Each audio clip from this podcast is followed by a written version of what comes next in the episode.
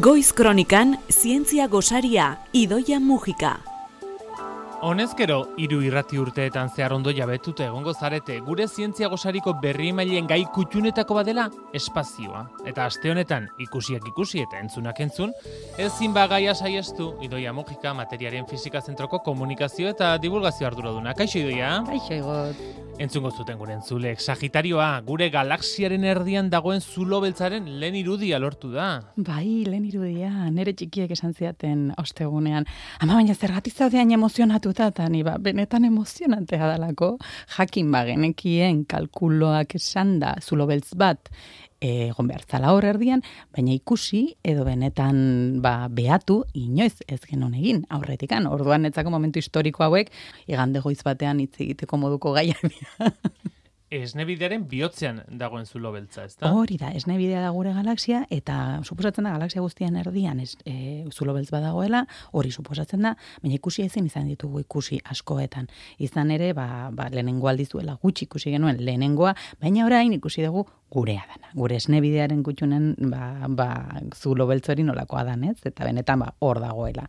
Bere sakonduko dugu gai horretan idoia, baina ari garen ez espazioaz, e, gaur gauean, ilargi eklipse total bat edo oso bat ikusteko aukera izango dugula laino ikusten badigute behintzat gonbita hori egin da utzi nahiko genuke lehenengo. Hori da, gaur egun polita ere, ba, gaualdean, bueno, ezakit goiz esnatzen zeaten edo ez, gutxi gora bera bostater dietan hasiko da, eta zazpira bos gutxi arte izango da ba, betetzea. Ba, e, ilargi eklipse badagoenean ilargia gorritu egiten dala, ez? Ba, e, batzuk esaten dute inpernuko ilargia dala eta horrelako gauza, ba, eklipse bat izango da hori, ba, goraka begiratzen badezute ordu horietan eta ilargia gorria ikusten badezute, jakizu eklipse badagola. Polita izango da eta lainoek uste badigute behintzat ikusi al izango dugu zuk esan bezala. Ni behintzat saiatuko naiz, egotzez natuko naiz, ordu txiki horietan. Goazen gain nagusira. Esan genezake, beraz, berriz ere lortu dutela, ze gure entzulen bate pentsatuko du, baina zulo beltzaren irudi bat ezaltzeuten, hor mikrondasen e, berotzen den e, borobil baten antza zeukan irudi bat lehen ere zabaldu zen, ezta? Baina beste bat zen, ezta? Hau pazu hori da, hori da. Ba, eme larogeita zazpi izartxoarekin deritzon zulo beltza, behatu zen lehenengoa izan zen, eta orain arte bakarra. Eguzkia baino 6 mila milioi aldiz handiagoa da. Eta orain egin diogunaren argazkiarekin konparetuta gurea dana, sagitarioa izartxoa ditzen dana, askoz aktiboa eta ba, mustro izugarri bada, ez? Eta zuk esan bezala duela irurte hitz egin genuen albiste honi buruz oso esanguratsua izan baitzan. Izan ere Albert Einsteinek relatibitatearen teoriarekin aurre ikusi zuen zulo beltzak zirala azalpen bakarra, ba nolabait azaltzeko zergaitikan zar guztiak bueltakari geran etengabe, ba, puntu zentral baten inguruan eta zentral hori oso masioa izan behar zan, espazio eta denbora kurbatu egiten du bere inguruan, eta dana gabiltza hor bueltaka. Hori izan zuen berak, baina bere garaian ba, teleskopiorik ez zegoen hori frogatzeko. Lan handia egin eta gero, duela irurte, lehenengo aldiz eman genuen albiste hori, eta irudi horiek benetan izugarriak izan zeran. Talde berak orain egin duena da, teleskopio horiek jarri gure galaxiaren erdira begira eta lortu irudi antzeko bat, baina gure e, zuloari dagokiona, sagitarioa izartxoa deiritzona. Esan behar dugu e, idoia, egin duten e, lan hau, talde lana izan dela. Zientziaren e, munduan sarri epatzen dugun bezala, ez da pertsona bate bakarrik egin dezakeen lan bat. Inundik inora, bai, lan talde izugarria izan da, pentsatu zezue lurrozoan zehar, banatu dira la teleskopio masare bat, e, deituko diogu, eta danak, talde lanean e, eginda, ba, lortu dute, irudi asko eta asko prozesatu ez da gero, ba, lortzea horrelako irudikapen bat, ez? Pentsatzazue, gurea, ba, ja, ezagutu behar dugun gure zuloa, lau milio izarren baliokidea dean masa biltzen duela. Eti bezala espazio ateratzen garenean, bai, neurriaren ondita osasunarekin galdu egiten gara. Bai, eta esate bai zuet gaina, hogeita sei mila argi gurtera dagoela, hor da, argia Ba, argiaren argia, abiaduran bideiatuko bai, bagenu, eta 6 mila urte bai, Eta argiaren abiadura da. Ezin dugu bideiatu momentuz. Hori da, ez dugu bideiatu. Ez. Baina bere inda, gravitate indarra izugarria izan behar du. Bai, bai alabai, ze horren inguruan gabiltza, ba, gure esne bidean dauden e, izar guztiak bueltaka, ez.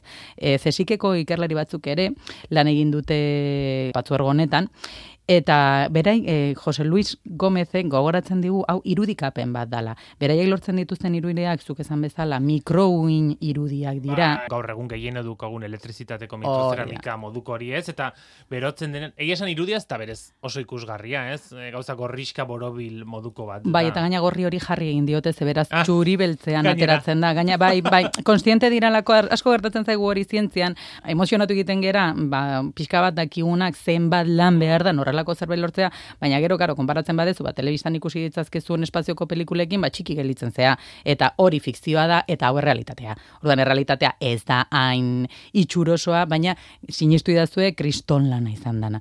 Azken finean zuk zulo beltz bat definizioz ezin dezu ikusi iluna da eta tragatzen du argi guztia. Mm. Hori da bere definizioa. Horregatik da zulo beltza. Horregatik da zulo beltza eta horregatik ustatu ez egoen beste ikuste. Orduan, nola endakigu hor dagoela? Ba, egiten dutena da, deitzen dana, gertaeren horizontea. Hor dago, ba, esango duguna, beltzune hori ikustezeina dena gaina. Baina horren inguruan gertatzen den guztia, esateko adibidez, ba, horren inguruan gasa, arrapatu, justu arrapatu baino leno, zulo beltzak arrapatu baino leno. Zulo beltzorren inguruan bueltaka hasten da, ba, pentsatzen zuen, berrogeita lau milioi kilometroko diametroa du, gure zulo beltzorrek.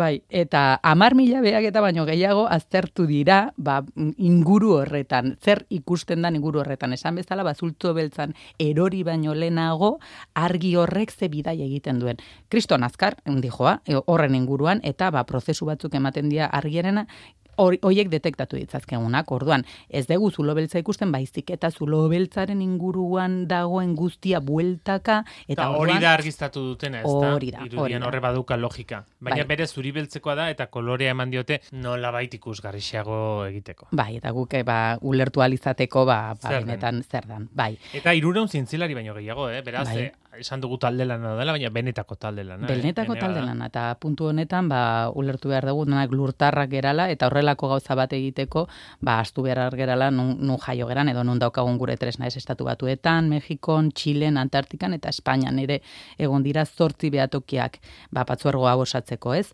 Eta antena horiek guztiak, erlojo atomikoekin sinkronizatu dira. Beste egun batean esplikatuko dizu ez zergatikan haudan beharrezkoa zer erlojo atomikoak dira dauzkagun sistemarik finenak. Zehatzenak. Bai, sinkronizatu nahi dezunean ba pelikuletan bezala esateko. Venga, ordua, bat, bi eta hiru, bueno, ba, hor errore badago. Zuk ematen diozu botoiari, bai. nik ematen dio botoiari, ba sinkronizatzeko atomikoki egin behar da eta horrela sinkronizatu ta zeuden esan dezagun argazki kamera hoiek edo teleskopio hoiek. Orduan, danak zabalduta munduan, beraiek saltzen duten irudia da mundua bera, teleskopio izugarria handi bat bihurtu izan bagenu bezala, izan ere danak aldi berean ari zirelako irudiak hartzen. Bitxikeria bat ere badakarzu idoia? Bai, bitxikeri bat, ze, bueno, esan dugu ja, ez, oso ondo goratu zea. Bat komairu milimetroko mikrouin motak e, erabiltzen dira, ba, erradiazio hori guri bai. ikuste zaigu, baina teleskopia hauei ez. Ateratzen den irudia, zulo beltza eta eraztuna duela hogeita sei mila urte ziren bezala ikusten ditu. Hor hmm. beti uzten hau zuri.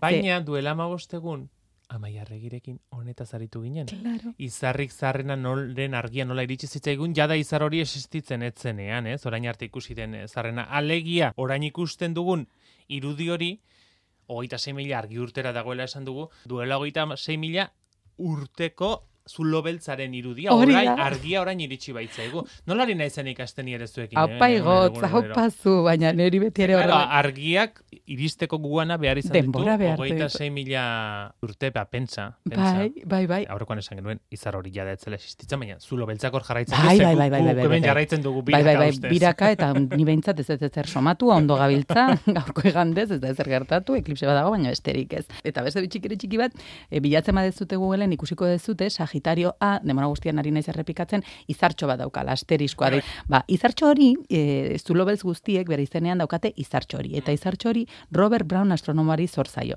Ze berak ikusi zuen mila bederatziren da irurogeita malauean, konstelazio horretan, Sagitarion argitorri indartxu bat aurkitu, aurkitu zuela. Inork ez zekien zer, ba, oso indartxua zen, oso potentea zetorren zen seinale bat, eta ez da ezaguna. Orduan berak jarri zion izartxoa nolabait da e, fisika kuantikoan erabiltzen den modua esateko zerbait kitzikatuta dagoela, emozionatuta dagoela. Eta horrela izan datu zuen, eta hortik aurrera horrela izan datu dira zulobeltz guztiak. Zulobeltz guztien e, izenean topatuko dezue izartxo bat, asterisko bat bere, bere ondoan.